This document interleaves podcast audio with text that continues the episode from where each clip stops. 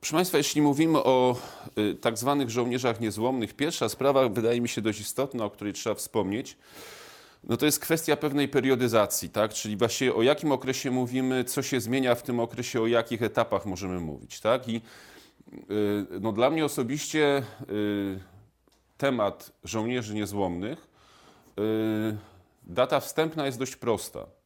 Mianowicie w styczniu 1944 roku wojska sowieckie wkraczają w granice państwa polskiego. Ja chciałem to mocno podkreślić. Nie ma jeszcze żadnego innego państwa polskiego. Są granice funkcjonujące e, z okresu międzywojennego, e, czyli granice wyznaczone traktatem ryskim. Oczywiście my wiemy, że po drodze był Teheran, po drodze była Jałta. Mocarstwa ponad głowami Polski umawiały się co do tego, w jaki sposób te, te granice należy zmienić. To nie zmieniało faktu, że z, z punktu widzenia funkcjonowania polskiego państwa podziemnego i legalnego polskiego przedstawicielstwa, jakim był rząd emigracyjny w Londynie, w sensie prawa międzynarodowego nic się nie zmieniło. To były granice państwa polskiego. I jak wszyscy dobrze wiemy, wraz z postępującą wzdłuż y, w głąb państwa polskiego Armią Czerwoną i tak zwanym Ludowym Wojskiem Polskim, następuje na ziemiach polskich realizacja tak zwanego planu burza, czyli oddziały Armii Krajowej y, występują do walki przeciwko Niemcom, czasami niezależnie, czasami współdziałając z Armią Czerwoną. Pomysł jest taki, aby mogły się ujawniać y, przedstawicielstwa legalnego rządu polskiego, czyli delegaci y, rządu polskiego funkcjonujący w poszczególnych rejonach kraju. Oczywiście wszyscy wiemy, że kończy się to niekiedy militarnym sukcesem, natomiast na pewno kończy się to również polityczną przegraną. W tym sensie, że żołnierze Armii Krajowej i oficerowie przeważnie po wspólnych bądź oddzielnych akcjach zbrojnych z Armią Czerwoną byli aresztowani, byli uwięzieni, byli wywożeni na wschód, byli czasami likwidowani. Yy, I podobny los spotykał przedstawicieli tak zwanych cywilnych polskiego państwa podziemnego, czyli tych funkcjonariuszy polskiej państwowości mm, ujawniających się, mających stanowić czy odgrywać rolę gospodarzy wobec wkraczającej Armii Czerwonej. Ale w ślad za tym były konsekwencje, czyli w ślad za tym, że następował po kolei krach de facto planu burza, tak jak go założono, e, równocześnie ci, którzy nie zostali aresztowani, nie zostali uwięzieni, czy którzy się nie zgłosili e, do wspólnej akcji również, no, przechodzili do powtórnego podziemia, czyli rozpoczyna się de facto od razu to, co my określamy mianem drugiej konspiracji. No i warto przypomnieć chociażby, że na tak zwanych y, ziemiach odłączonych, czyli pomiędzy granicą wschodnią państwa polskiego, wyznaczoną traktatem ryskim w 21 roku, a tą granicą, którą wyznaczono w Teheranie, w Jałcie w trakcie II wojny mm, y, światowej, y, historycy przyjmują, że w walkach pomiędzy oddziałami Armii Czerwonej i także oddziałami Ludowego Wojska Polskiego, a polskim podziemiem, które się zaczyna konstytuować jako tak zwana druga konspiracja, tylko na tych obszarach ginie około 3000 żołnierzy niezłomnych, wyklętych. Oni już przejmują na siebie tą rolę, tak? bo oni już nie reprezentują e, de facto Armii Krajowej, nie reprezentują polskiego państwa podziemnego. Zmieniły się zupełnie warunki. To jest to nie państwo już podziemne, ale podziemie zbrojne, druga konspiracja walcząca przeciwko wkraczającej Armii Czerwonej. Liczy się, że również, że około, tysiąca, około 10 tysięcy osób na tym obszarze dostaje się, y, dostaje się do niewoli, jest represjonowanych. No takim najbardziej chyba mm, symbolicznym przykładem, taką postacią y, historyczną jest oczywiście Olech tak, i jego oddział zbrojny, który prowadzi walkę przeciwko nowej okupacji, tak, tej przychodzącej okupacji sowieckiej. Tam już właściwie można mówić de facto okupacji sowieckiej, ponieważ zmieniły się granice państwa polskiego. I ten etap, y, znaczy koniec tego etapu wstępnego można by datować na kwiecień 1945 roku. Co się wtedy dzieje? Mianowicie wtedy mamy do czynienia z taką sytuacją, że y, de facto ziemie polskie, nawet tak zwane ziemie odzyskane, czyli te, które Polska ma otrzymać na mocy decyzji mocarstw y, po II wojnie światowej, czyli mówimy tutaj o zachodniej części Wielkopolski, o Pomorzu Zachodnim, o części Górnego Śląska. One zostają oczyszczone z wojsk niemieckich. Tak? De facto e, teren, terytorium państwa polskiego, e, tam możemy już mówić o mm, kontroli Armii Czerwonej, Ludowego Wojska Polskiego, nowych włodarzy czyli z nadania Czerwonego Kremla, tak, czyli tych władz komunistycznych, chociaż oczywiście jeszcze nikt nie mówi, że to są władze komunistyczne. Mamy manifest lipcowy, mamy powrót rzekomo do de demokratyzacji w kraju po mm, tak zwanej faszystowskiej konstytucji, y, konstytucji kwietniowej. Y, I ten etap to jest gdzieś do połowy 1946 roku, to jest właściwie apogeum działań, tak można powiedzieć, żołnierzy niezłomnych, żołnierzy wyklętych. Przyjmuje się, że jednorazowo, jednorazowo w tym okresie czasu walczy w lasach przeciwko nowej władzy od 20 do 30 tysięcy żołnierzy. Ja mówię celowo jednorazowo, ponieważ jak Państwo pewnie wiedzą, historycy, historycy szacują, że przez szeregi mm, e, drugiej konspiracji, przez szeregi oddziałów zbrojnych e, walczących przeciwko nowej władzy przewija się być może nawet do około 200 tysięcy żołnierzy. Ale to oczywiście w poszczególnych etapach, tak, w poszczególnych okresach.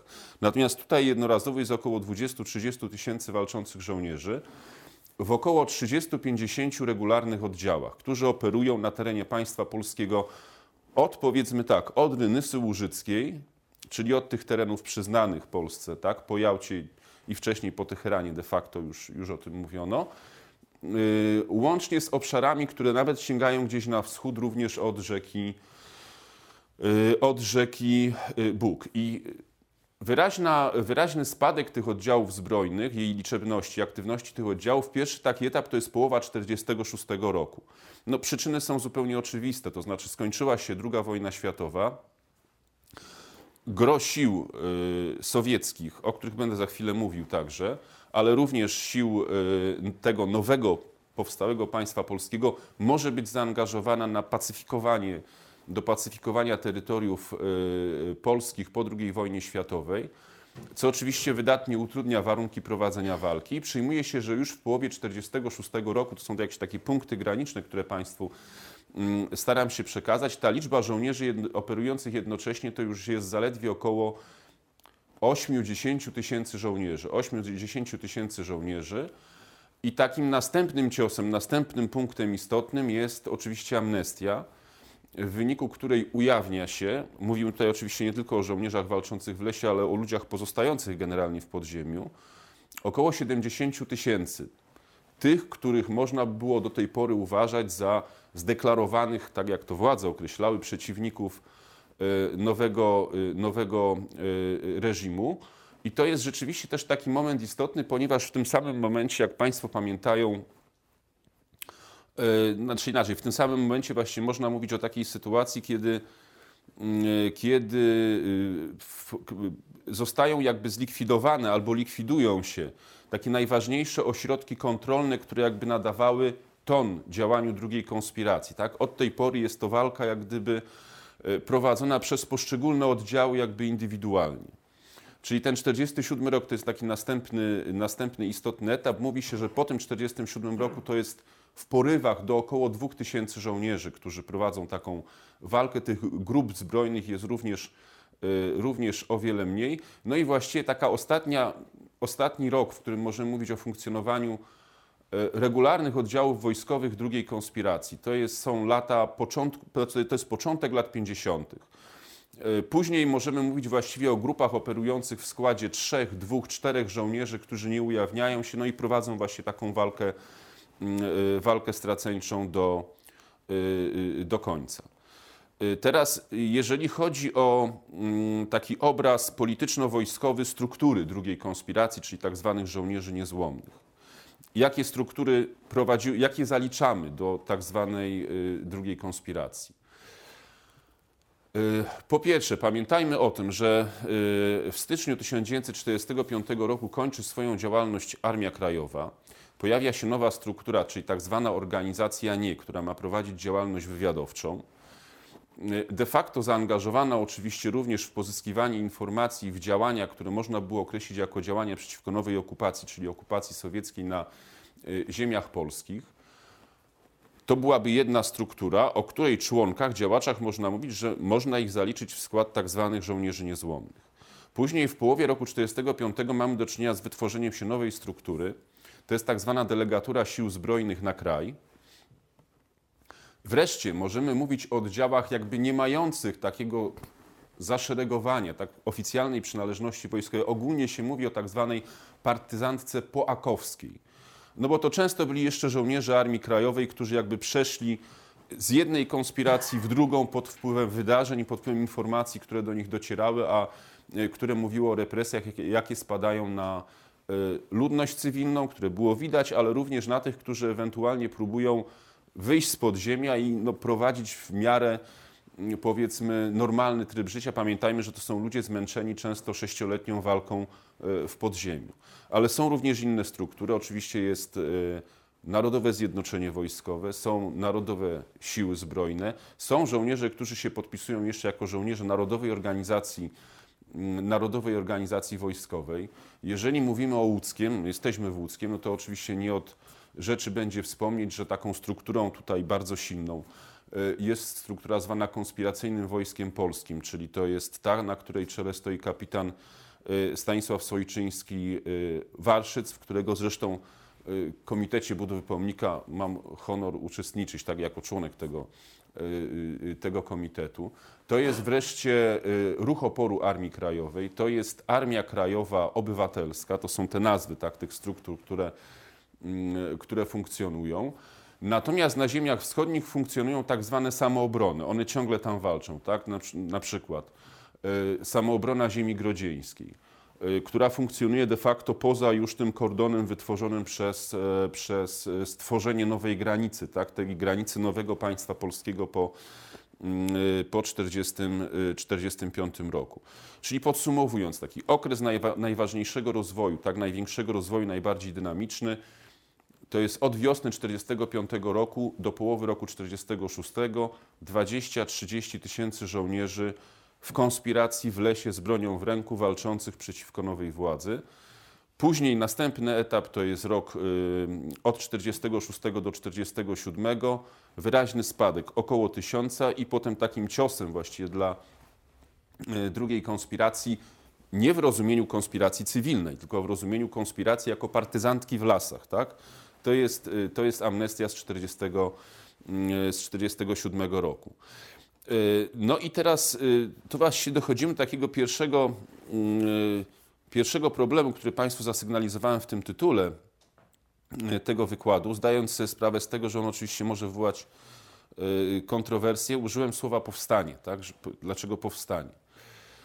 Jeżeli przyjmiemy skalę tych wydarzeń, jeżeli przyjmiemy skalę zaangażowania oddziałów partyzanckich tak liczebną od początku 1944 roku do roku gdzieś tak powiedzmy sobie 53, 4, taką zwykle granicę się przyjmuje.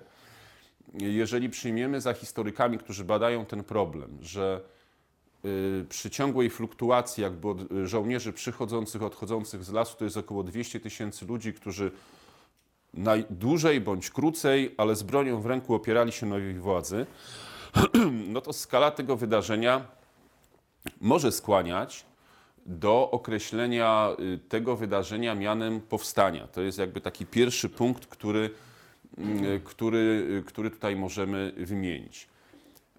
Ja sobie dość pracowicie spisałem jeszcze jedną rzecz, o której chciałem Państwu powiedzieć, dlatego że, i Państwo pozwolicie, że tym razem będę się posiłkował kartką, dlatego że no, ważne jest też to, jaką wagę do zdławienia tych działań zbrojnych i do pokonania tych oddziałów y, przykładali przeciwnicy.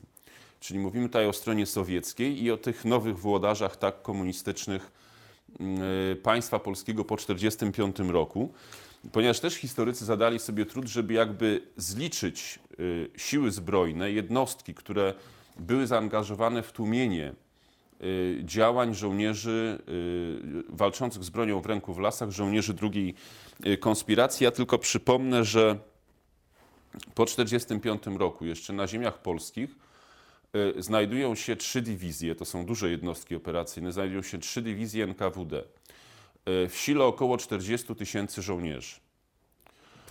Y, to jest taka pierwsza sprawa, o której by trzeba było, o której by trzeba było wspomnieć. Natomiast oprócz tego, no to mamy oczywiście funkcjonariuszy Urzędu Bezpieczeństwa Publicznego, tak, UBP bezpośrednio zaangażowanych w tłumienie tych działań i tutaj szacuje się, że to jest około 20 tysięcy funkcjonariuszy zaangażowanych w te działania.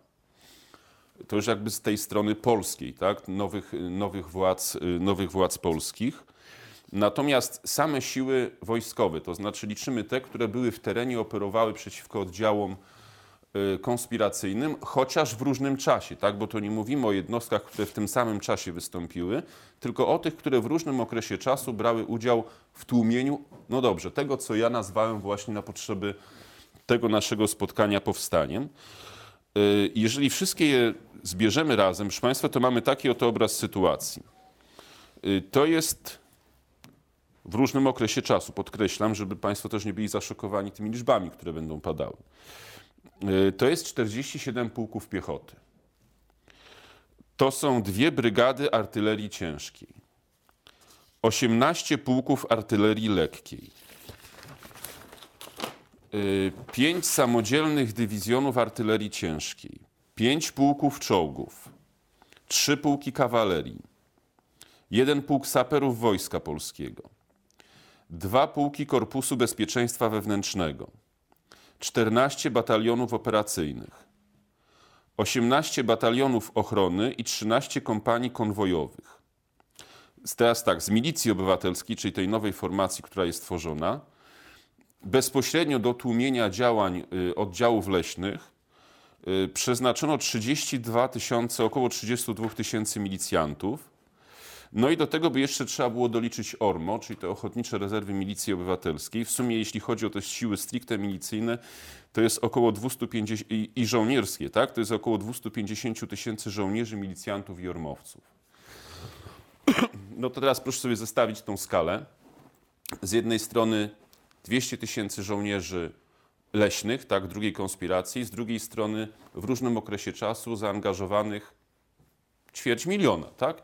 Ćwierć miliona sił wojskowych, milicyjnych, ormowskich, ubeckich, no plus oczywiście yy, bezpośrednio siły naszego sojusznika, tak? Czyli, yy, czyli Armii Czerwonej i NKWD. No to jest taka skala, która też można powiedzieć, że E, uprawomacnia to określenie, że mamy do czynienia, ale jeszcze do tego wrócę, uprawomacnia to określenie, że mamy do czynienia z powstaniem. Na czym polegały, na czym polegały te działania, czyli ta wojna druga, która wybuchła na ziemiach polskich? Znaczy, po pierwsze, to są oczywiście starcia w lesie, bitwy, starcia, potyczki z oddziałami milicji, z oddziałami Wojska Ludowego Wojska Polskiego, z oddziałami NKWD. To jest pierwsza sprawa. To są ataki na Y, więzienia w celu odbicia więźniów wcześniej pochwyconych przez siły sowieckie albo siły LWP. To są ataki na posterunki milicji obywatelskiej. To są również ataki na to już większe jednostki, większe placówki w, w miastach znajdujące się y, Urzędu Bezpieczeństwa Publicznego. Y, to są akcje na pociągi. Po pierwsze, na pociągi, które na przykład wywożą dobra z ziem polskich na wschód Czyli to jest jakby rekwizycja zarekwirowanego dobra, które ma zostać na ziemiach polskich. Ale to są również akcje na pociągi, które przywożą oddziały Armii Czerwonej, czy też na oddział Ludowego Wojska Polskiego. To są również takie akcje, które być może część z Państwa miała okazję zobaczyć, bo to się działo naprawdę. Y, jest y, film zatytułowany Historia Roja. I tam mamy taką scenę, kiedy jest zatrzymywany pociąg i są likwidowani ci, którzy wcześniej no, dokonali mordu sądowego, bo tak by to trzeba było ocenić, tak, na jednym z żołnierzy, z oficerów polskiego podziemia, polskiej konspiracji. I to jest jakby ilustracja też tego, co się działo. Tak? Znaczy, te, tego typu akcje też były przeprowadzane. Znaczy, potem ten pociąg był zwalniany, jechał dalej. Tak? Na, w momencie, kiedy osiągnięto ten cel, jakim była na przykład likwidacja mm, funkcjonariuszy NKWD, którzy na przykład nim podróżowali. Więc to są też tego typu akcje. Y, to są również akcje, które można było określić jako akcje polegające na pozyskiwaniu. No, niestety wojna też się opiera na tym, że trzeba mieć pieniądze i środki, żeby tę wojnę prowadzić. Więc to są również y, akcje na przykład na wszelkiego typu spółdzielnie bądź pociągi wiozące środki finansowe. Więc to również mm, tego typu, mm, tego typu akcji y, dokonywano. No i teraz też, no, ta powiedzmy, skala tych wydarzeń. No, liczy się, że około większych, mniejszych bitew, utarczek, potyczek z siłami sowieckimi było około 1500 w tym okresie czasu, to znaczy w latach 44-47. W, y, y, w, ramach, w ramach tego okresu.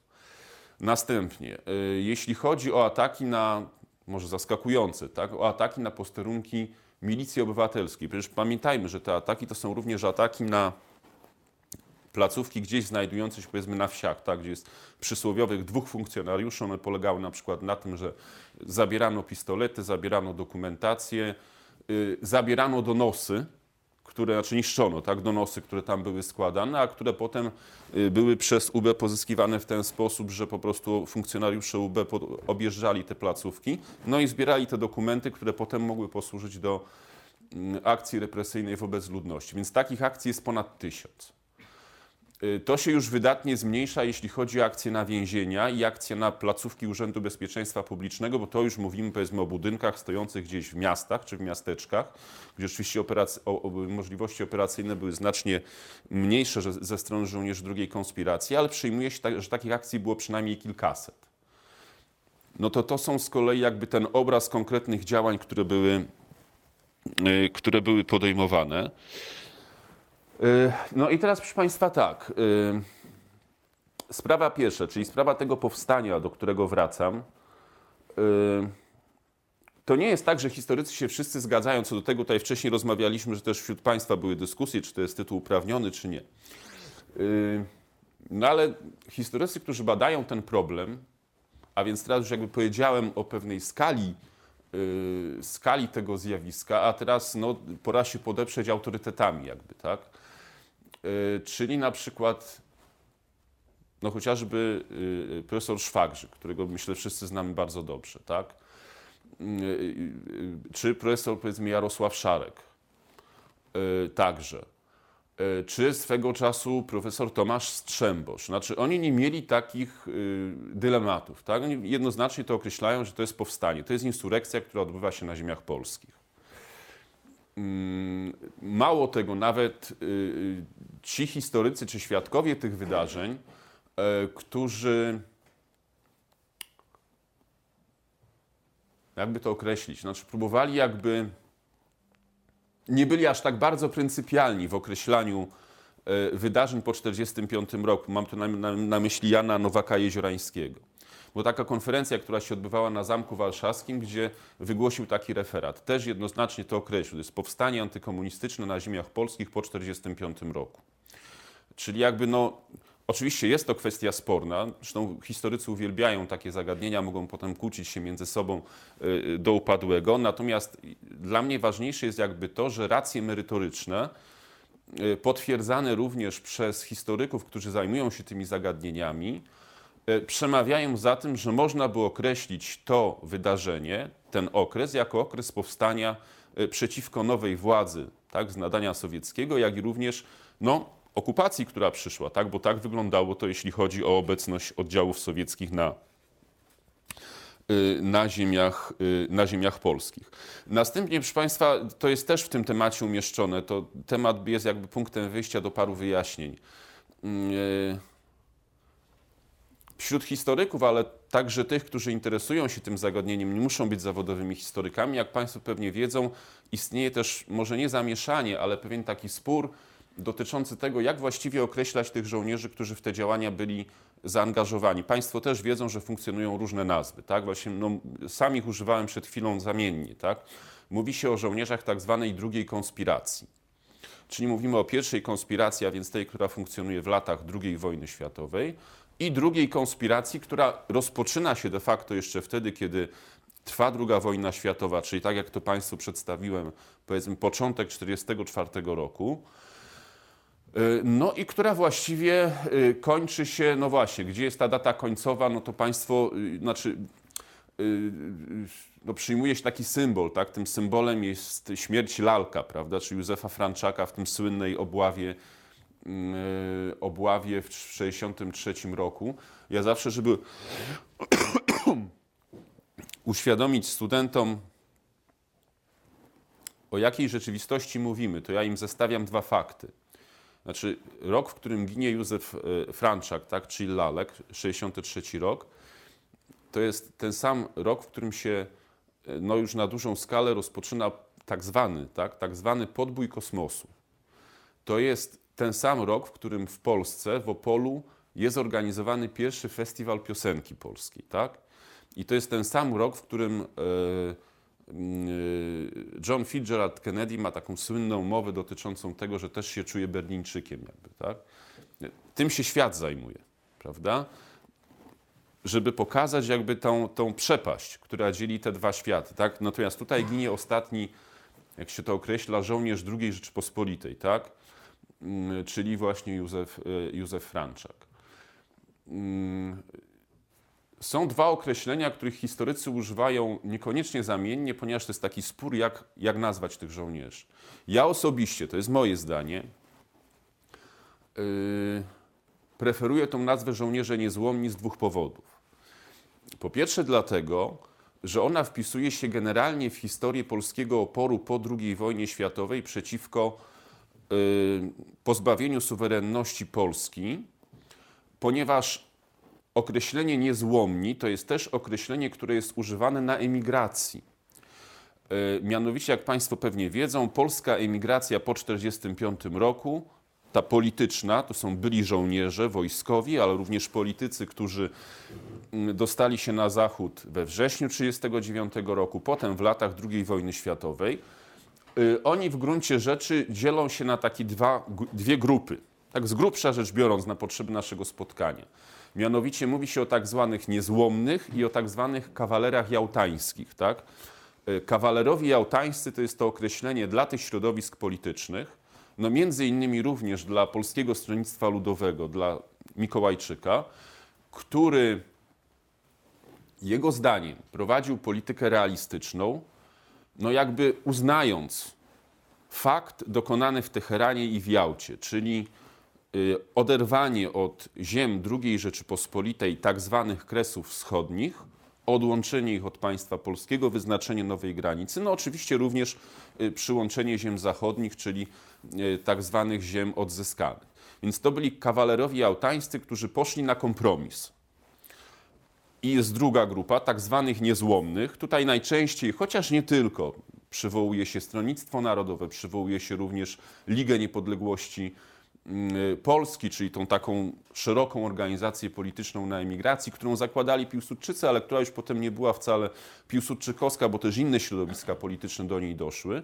Więc dla mnie jakby to określenie żołnierze niezłomni współgra z tym określeniem niezłomni na emigracji, tak? bo oni mają rzeczywiście jednolity przekaz, znaczy dotyczący jakby takiego pryncypialnego zanegowania podziału Polski, oderwania ziem wschodnich w latach Mm, y, znaczy, czy jakby po zakończeniu II wojny mm, światowej i są również bardzo pryncypialnie, jeśli chodzi o system polityczny w Polsce. Także właściwie polityka realistyczna w istocie i dla tych niezłomnych na emigracji, i dla żołnierzy niezłomnych w istocie nie jest realistyczna, tak? dlatego że no, nie można iść na kompromis ze Związkiem Sowieckim i nie można iść na kompromis z władzami komunistycznymi, bo w określonych warunkach powojennych ten kompromis nawet nie określano tego w ten sposób, że oznacza zdradę, tylko że jego się nie da zawrzeć, dlatego że on jest wstępem do tego, żeby przekazać całą władzę mm, w ręce nowego komunistycznego rządu, co jak Państwo doskonale wiedzą się stało, tak? w wyniku referendum, sfałszowanych wyborów e, do Sejmu Ustawodawczego, no i tego, co na przykład jeden z polskich historyków, Andrzej Paczkowski, określił mianem klęski realisty, tak? czyli klęski Mikołajczyka, który po tej nieudanej próbie stworzenia takiego państwa, które by trochę funkcjonowało jak Finlandia, takie zależne, ale nie do końca od Związku Sowieckiego, no jak Państwo wiedzą, musi, y, musi salwować się ucieczką, y, ucieczką z tej nowej Polski y, z powrotem na zachód, z którego przecież wcześniej rezygnując z funkcji rządowej mm, przybył. Ja osobiście również wolę dlatego tą nazwę, bo Państwo też pewnie zapewne wiedzą, jak, jak, jaka, jakie jest źródło słów tej nazwy żołnierze wyklęci. Ja doskonale wiem, że ona zrobiła furorę i zrobiła pewnego rodzaju karierę po 1993 roku. Ja przypominam, że to wtedy po raz pierwszy użyto tej nazwy. Liga Republikańska, taka radykalna organizacja konserwatywno-narodowa, tak to określmy, jeszcze wtedy kierował nią yy, dzisiejszy minister, tak, Mariusz Kamiński, yy, urządziła taką wystawę, tak właśnie zatytułowaną Żołnierze Wyklęci. Potem podchwycił to w swojej książce również yy, Ślaski, napisał książkę tak o żołnierzach wyklętych i ta nazwa jakby poszła tak, w Polskę, ona się przyjęła, ona była taka rzeczywiście mocna, tak, jakby przemawiała do mm, wyobraźni. Natomiast no, też pamiętajmy, skąd oni zaczerpnęli. Zresztą mówili o tym i pisali tak tą nazwę. Znaczy, ta nazwa wywodzi się stąd, że mamy oto historię żołnierza podziemnego, który y, zostaje żołnierzem Ludowego Wojska Polskiego, y, który potem rezygnuje ze służby, znaczy oczywiście jego nowi zwierzchnicy mówią, że dezerteruje. Y, potem zostaje schwytany, zostaje rozstrzelany, i jego zwierzchnik, oficer Ludowego Wojska Polskiego, pisze do jego żony, która pozostała z dziećmi, taki list, prawda, który gdzieś tam też sobie wynotowałem nawet. I ten oficer pisze do niej w ten sposób. E, wieczna hańba i nienawiść naszych żołnierzy, znaczy LWP, tak, naszych żołnierzy e, i oficerów towarzyszy mu i poza grup. E, każdy, kto czuje w sobie polską krew, przeklina go, Niech więc wyrzeknie się go własna jego żona i dziecko. Tak? Czyli to jest taki list, który do wdowy właśnie świeżo owdowiałej po, po kaźni żołnierza niezłomnego pisze jego oficer, zwierzchnik z Ludowego Wojska Polskiego. Więc jak Państwo widzicie, no jakby początek tej nazwy jest dość paskudny generalnie rzecz biorąc. Tak? Więc to jest również ta przyczyna, dla której ja preferuję to określenie y, określenie żołnierze, żołnierze y, niezłomni. Y, następny problem, o którym y, dyskutują pomiędzy sobą, proszę Państwa, historycy, to jest zagadnienie mm, związane z tym, co można było określić jako. Znaczy, ono się wiąże z takim pytaniem: po co? Tak? No, znaczy, dlaczego? Yy, świat jest już podzielony. My wiemy doskonale po dekadach, że właśnie został podzielony na dekady. I teraz no, ci żołnierze niezłomni są kimś w rodzaju Don Kiszotów, którzy walczą, walczą z wiatrakami, tak? E, czy zatem rzeczywiście warto, przepraszam, to jest jakby cytat pewien, tak? Warto przykładać do nich taką wagę? Czy to jest rzeczywiście wydarzenie, o którym można byłoby mówić i gloryfikować je w taki, w taki właśnie sposób, wpisywać na stałe jako ważne wydarzenie, na przykład powstanie, e, w polską historię narodową? Mm. No, to można było odpowiedzieć w ten sposób. Jeżeli pytamy o konsekwencje yy, drugiej konspiracji, po pierwsze są to, są to, konsekwencje o charakterze ideowym, tak? to znaczy jakby to są ostatni walczący epigonii suwerennej, niezależnej II Rzeczypospolitej, jak, jakakolwiek by ona nie była, bogata, biedna, yy, w świecie politycznym charakteryzująca się zaciekłą walką na przykład Piłsudczyków i obozu narodowego, ale to była walka, że tak powiem, we własnej rodzinie. Tak? Znaczy to, to była walka w ramach suwerennego państwa polskiego, nawet jeżeli jedni określali je dyktaturą, a inni uważali, że trzeba wprowadzić demokrację, czy odnowić demokrację na powrót. Tak? Ale w granicach suwerennego państwa polskiego. Więc to są ostatnie epigoni suwerennej Polski do których mogą odwoływać się ci, którzy tą suwerenność Polski chcieli odbudowywać po 8, mogliby się odwoływać ci, którzy suwerenność Polski chcieliby odbudowywać po roku 89. Ale historycy wiedzą też i o tym, że działalność drugiej konspiracji miała swój, swoje skutki jak najbardziej wymierne. Znaczy one się wyrażają przede wszystkim na dwóch płaszczyznach. Po pierwsze, widać wyraźnie, kiedy porówna się historię Polski po 1945 roku z historią innych państw, które znalazły się w tak zwanej sieci bloku wschodniego, tak? czyli to są tak zwane demoludy późniejsze, prawda? to widać wyraźnie, że jednak opór stawiany przez tych żołnierzy spowodował przesunięcie w czasie i znaczne złagodzenie, niezależnie od tego, jakby to nas nie dziwiło w kontekście tego, co potem nastąpiło, y, działań ze strony władz zmierzających do pewnego takiej urawniłowki, tak, glajszachtowania społeczeństwa. No chociażby kwestia yy, yy, odbierania ziemi chłopom, tworzenia gospodarstw, tak, spółdzielni, tak zwanych spółdzielni dobrowolnych, po pierwsze przesunęła się w czasie, trwała krócej, był to krótszy okres. Jeżeli ktoś chce szukać, że tak powiem, materialnych konsekwencji pozytywnych działania żołnierzy wyklętych, to ma jedną. Yy, druga to jest fakt, to też jest zresztą poświadczony w pamiętnikach i źródłach, wskazujący na to, że nie do końca wszyscy byli przekonani o tym, że rzeczywiście Polska po 1945 roku ma funkcjonować jako niepodległe państwo. I jeżeli już jako niepodległe państwo, to jaki ma być zakres tej niepodległości? Używam cudzysłowia, tak? Zakres tej niepodległości. Determinacja żołnierzy wyklętych sprawiła, krótko mówiąc, już to jest taka najkrótsza ocena, y, że nowi włodarze doszli do wniosku, że rzeczywiście nie można nadmiernie, przepraszam, użyję tego kolokwializmu, przykręcać śruby. Więc to był jakby taki sygnał dla nich, że jest potencjał oporu w społeczeństwie. On jest na razie ograniczony, chociaż ta ograniczoność jest względna. Powtarzam jeszcze raz, 200 tysięcy żołnierzy zaangażowanych w działania zbrojne, ale że on się może ujawnić. Yy, oni oczywiście walkę w sensie militarnym przegrali. No tylko, przepraszam, to nawet chyba niepotrzebnie odwołuję się do tego przykładu.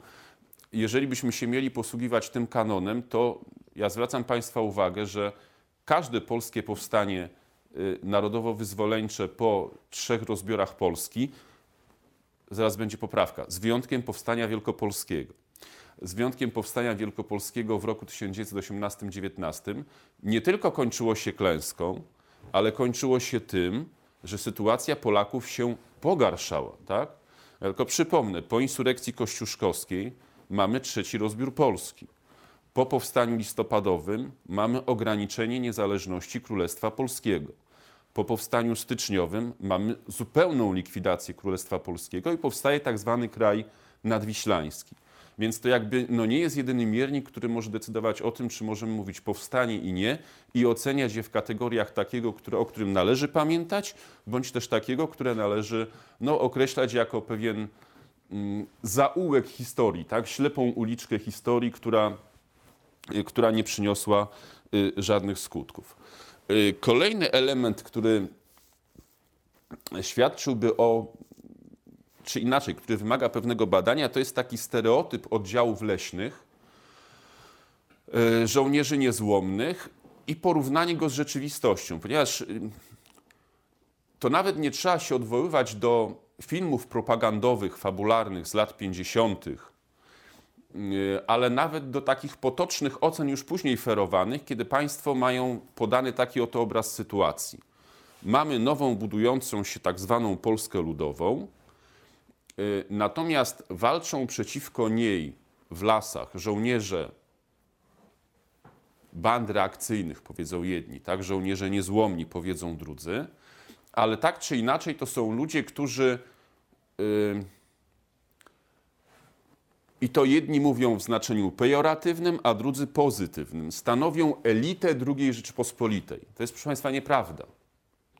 Żołnierze niezłomni, skład wojsk walczących przeciwko nowej władzy na ziemiach polskich, to nie jest elita II Rzeczypospolitej rozumiana w ten sposób, że to są na przykład inteligenci, to są na przykład w przeważającej części, tak, inteligenci, wiem, nauczyciele, y, oficerowie rezerwy II Rzeczypospolitej, y, synowie rodzin ziemiańskich, bogatego mieszczaństwa i tak dalej, i tak dalej. Następuje, proszę Państwa, na przełomie roku 45-6, a właściwie wcześniej 44-5, gwałtowna wymiana osobowa w y, oddziałach y, żołnierzy niezłomnych. Dlaczego? No z bardzo prostego powodu.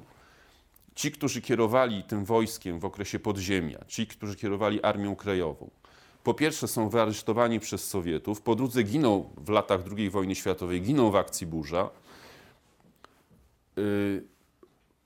mamy nowych majorów, pułkowników, kapitanów, którzy wcześniej byli podchorążymi, sierżantami. Mało tego, mamy na przełomie lat 40. i 50. Y, oddziały czy jednostki żołnierzy niezłomnych, którymi kierują sierżanci, y, podchorążowie, plutonowi, synowie chłopów. To nie są inteligenci nauczyciele, że oficerowie rezerwy. To są ci, którzy wojny uczyli się w trakcie wojny, tak, II wojny światowej. Y, I to oni tak naprawdę stanowią rdzeń. Tak? To jest, y, niektórzy historycy to porównują trochę do sytuacji w czasie rewolucji francuskiej w XVIII wieku i do tak zwanej Wandei, powstania w Wandei, kiedy chłopi protestują czy walczą przeciwko rewolucji francuskiej. I tu jest tak samo. Gro tych oddziałów to są po prostu synowie chłopscy, tak? Ci, którzy nie godzą się y, którzy otarli się o politykę, o ideę niepodległej Polski w latach II wojny światowej i oni tak trochę nawet intuicyjnie się nie godzą z tą nową władzą, która przyszła. To jest taka następna rzecz, którą warto będzie pewnie jeszcze dalej, mm, dalej badać. A, no i ta ostatnia sprawa, o której chciałem Państwu powiedzieć, która mnie szczególnie jakby tutaj y, w pewien sposób y, skłoniła też do tego, znaczy dwie będą jeszcze kwestie, która mnie skłoniła do tego, żeby ten tytuł naszego wykładu brzmiał w ten sposób właśnie tak, że polski aspekt antykomunistycznego powstania wschodnioeuropejskiego y, po zakończeniu II wojny światowej, ponieważ Państwo na pewno widzieli taki film Wyklęty. Tak myślę, tak? że, że no, przynajmniej część z Państwa go oglądała. Albo chociażby ten film, do którego się odwoływałem wcześniej, Historia Roya. No to jak Państwo obejrzą ten film, jeden i drugi, to pozostaje taki obraz w głowie, że mamy, on poniekąd jest słuszny, poniekąd, że mamy taką oto sytuację, że gdzieś pojedynczy rozbitkowie, tak właściwie walczą w imię idei, ale z takim wyrokiem na plecach, tak? To znaczy, no dobra, jeszcze jeden dzień, jeszcze dwa dni. Yy, trzeba dać świadectwo po prostu, tak? Jakby no, na tym polega sens tej walki. Yy, a więc takie wysepki oporu. Natomiast, proszę Państwa, ja też proponuję inne Państwu spojrzenie, mianowicie taki znany polski literat, pisarz, co do którego ja nie bardzo mogę się zgodzić, czy ja go bardziej lubię, czy nie lubię, czyli Józef Mackiewicz, yy, napisał taką, yy, napisał w jednej ze swoich książek, że yy, zresztą cytując, cytując słowa jednego z konspiratorów ówczesnych, że kiedy wkraczała Armia Czerwona na ziemię wschodniej, środkowo-wschodniej Europy, czyli gdzieś tam od Estonii przez Łotwę, Litwę, Polskę, Rumunię, Bułgarię, Węgry, Czechy i tak dalej, to y, taki, rozległ się takie hasło, się rozległo od Bałtyku, y, znaczy on to sformułował w ten sposób, y, od Bałtyku do Adriatyku gin bolszewiku, prawda, że to jest takie pospolite ruszenie się rozpoczyna. No i można byłoby też, tak proponuję, wpisać to, to polskie powstanie polskich żołnierzy niezłomnych w szersze zjawisko, bo jeżeli Państwo popatrzą rzeczywiście na ten obszar, to my oczywiście hołbimy pamięć o naszych żołnierzach niezłomnych, tak, którzy walczyli przeciwko temu, co określa się mianem nowego zniewolenia, ale oni wcale nie byli żadną wyspą. Tak? Jeżeli Państwo patrzą, no, mamy na terenie republik nadbałtyckich tak zwanych, to, to jest to popularne określenie bracia leśni, tak? czyli to są ci, którzy mm, walczą na Litwie, na Łotwie i w Estonii. E, ja tylko przypomnę, że y, ostatni żyjący brat leśny Stasy z Guiga y, umiera, zresztą znaczy on nie zostaje nigdy wykryty, tak? on po prostu umiera w podziemiu jakby, tak? nie posługując się dowodem ani żadnym do, dokumentem tożsamości. Mm, y, dopiero jeśli pamięć mnie w latach 80. bodajże. Ostatni oddział na Litwie regularny zostaje rozbity bodajże w 1965 roku, w 1965 roku. Ostatni stawiający opór na Łotwie i w Estonii Y, to są oczywiście jakieś grupki dwu-, trzyosobowe, zostają, y, zostają namierzeni przez tamtejszą bezpiekę, bezpiekę oczywiście sowiecką już, tak? Y, I zlikwidowani na początku lat 70., na początku lat 70. W Estonii w latach 50., ponieważ ten kraj ma bardzo specyficzne ukształtowanie terenu, były całe gminy, które nazywano takimi niezależnymi republikami, bo tam po prostu żaden funkcjonariusz Y, sowieckiej bezpieki czy przedstawiciel armii sowieckiej się nie znalazł. Tak? Oni po prostu żyją w, odosobnieniu. To są takie mm, y, osady czy całe obszary, które, mm, przepraszam za to porównanie, ale tak, żeby Państwu uświadomić, to jest takie tak trochę jak osiedle Robin Hooda w Sherwood, prawda, że dookoła są przeciwnice, a tutaj jest taki y, suwerenny, powiedzmy sobie, kraj 6 kilometrów na 10 kilometrów, prawda, gdzie jakby jest taki Y, rodzaj bariery, której nikt nie śmie przekroczyć z jednej czy z drugiej strony, prawda? W taki sposób, żeby jakby rozsierdzić to gniazdo szerszeni. Więc to, ta, taka sytuacja jest w Nadbałtyce. Y, organizacja Czarnego Lwa w, Czechosło w Czechosłowacji tak, zostaje rozbita dopiero w połowie lat 50., która organizowała różnego typu akty, które można by dzisiaj określić mianem sabotażowych, dywersyjnych czy nawet terrorystycznych przeciwko nowej władzy. Y, w Rumunii y, Securitate namierza ostatnich konspiratorów i żołnierzy z bronią w ręku, jak to się mówi. Więc to nie są ci, którzy się ukrywają, żeby przeżyć, tylko oni są przez cały czas pod bronią, prawda? Y, Dopiero w roku 1976 y, w Bułgarii stawiają w latach 50. opór tak zwani górale. Znaczy w Rumunii to jest w ogóle taka sytuacja dość specyficzna, ponieważ tam przy oddziałach y, tamtejszych żołnierzy niezłomnych czy wyklętych są całe rodziny. Tak, bo my mówimy, nasze oddziały żołnierzy niezłomnych polegały na tym, że byli po prostu mężczyźni pod bronią w lesie. Prawda? Natomiast tam to były osady. Tam byli żołnierze z żonami, z dziećmi, y, którzy wyruszali na akcję i wracali z powrotem. No to tak jak Państwu powiedziałem przed chwilą, to jest taki obraz trochę jak y, taki oczywiście trochę bajkowy, tak? W filmie był on bajkowy, tak? Jak w tym osiedlu Robin Hooda w Sherwood, tak? Tam po prostu ludzie mieszkają, prawda? I część z nich wyrusza na akcje zbrojne i wraca z powrotem do siebie. Mm, y, Tak to mniej więcej, tak to mniej więcej wygląda. Y, Historycy obliczają, że jakby w sumie mm, zliczyć tych wszystkich, którzy od Estonii przez Łotwę, przez Litwę, przez Rumunię, Bułgarię, Węgry, Czechosłowację są zaangażowani na przełomie lat 40., 50. mm, w działalność, którą można by porównać do walki polskich żołnierzy niezłomnych, no to dochodzimy do liczby pół miliona. Dochodzimy do 500 tysięcy, tak? W różnym okresie czasu oczywiście, tak? Razem z Polakami. Razem z Polakami, dokładnie tak no to można mówić o takim w cudzysłowie pospolitym ruszeniu, tak? czymś na kształt takiego właśnie powstania, które jest reakcją. Znaczy ono jest reakcją na wkroczenie Armii Czerwonej. Mm, Zwracam uwagę jeszcze, że ono miało też różne natężenie, ponieważ część z tych, którzy decydowali się w końcu wziąć do ręki broń, przykład Polski jest tego dobrym, yy, znaczy dobrze można sobie to uzmysłowić na przykładzie Polski. Polacy na wschodzie kraju, y, oni już wiedzieli, czego się mogą spodziewać, bo oni to y, przeżyli chociażby, niektórzy z nich, tak, przeżyli w roku 20. Ja przypominam, że Armia Czerwona zalała Polskę do linii Wisły. Y, Natomiast zachód kraju miał doświadczenie okupacji niemieckiej, natomiast no były wiadomości, tak, były informacje, jak to wygląda, ale nie przeżył na własnej skórze okupacji sowieckiej. Więc siłą rzeczy jakby ten ruch oporu narastał od wschodu, potem idąc na zachód.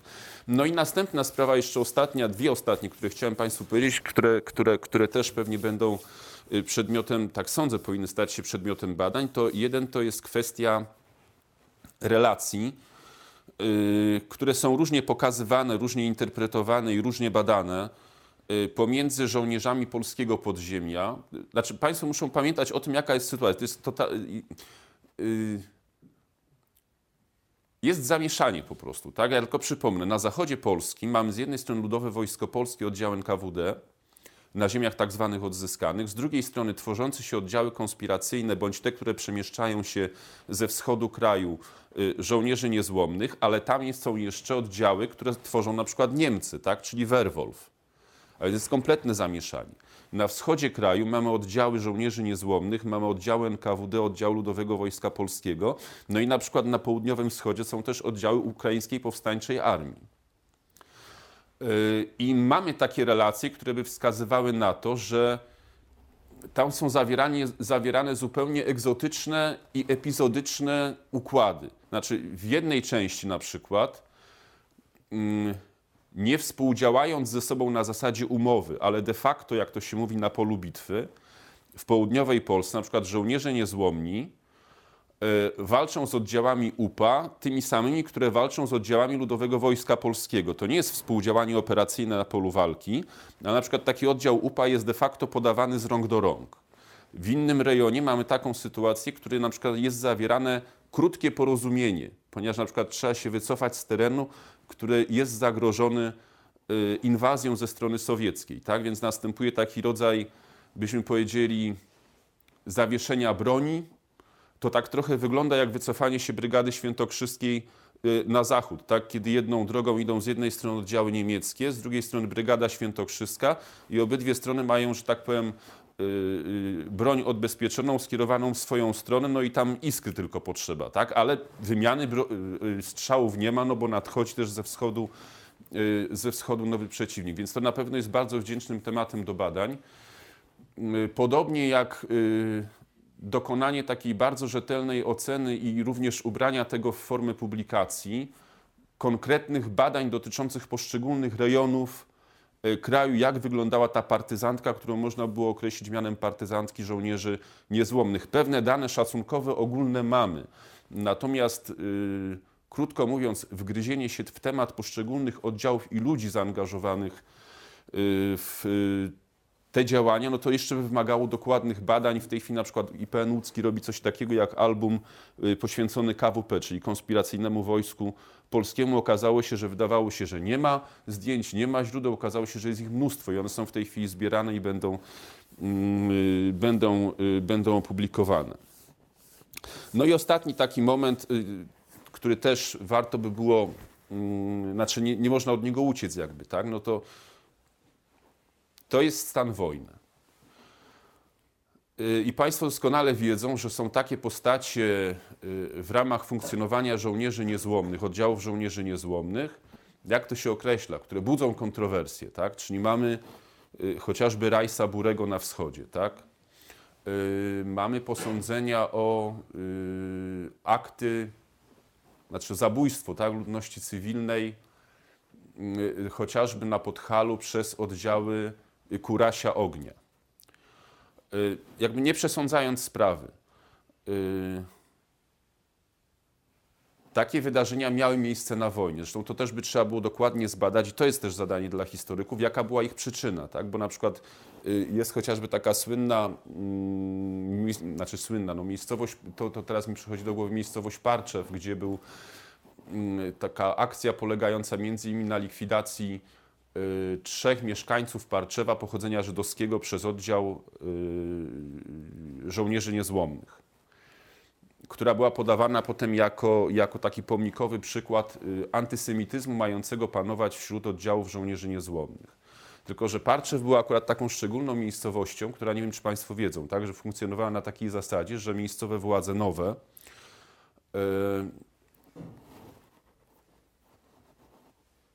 miejscową, lokalną społeczność żydowską potraktowały na bardzo szczególnej zasadzie. To znaczy uczyniły z niej swoich sojuszników, ponieważ na przykład wydały jej broń. I część przedstawicieli tej ludności funkcjonowała na zasadzie, no nie wiem nawet jak to określić, nieformalnych milicjantów. Przy czym podkreślam jeszcze raz, to władze nowe zdecydowały o tym, że tą ludność Parczewa podzieliły pod względem etnicznym. Tak? To był jakby punkt wyjścia. I ponieważ, jak w każdej społeczności, również w tej społeczności znaleźli się tacy, którzy mając broń, poczuli się panami sytuacji, yy, zresztą narażając się też na krytykę ze strony swoich rodaków, że tak postępują. No na przykład dokonywali bezprawnych rekwizycji dóbr należących do y, Polaków zamieszkujących w tej miejscowości. No więc w związku z tym oddział stosował do nich takiego ostrzeżenie jakby, tak, aby zaniechali tej działalności, ponieważ to nie przyniosło skutku.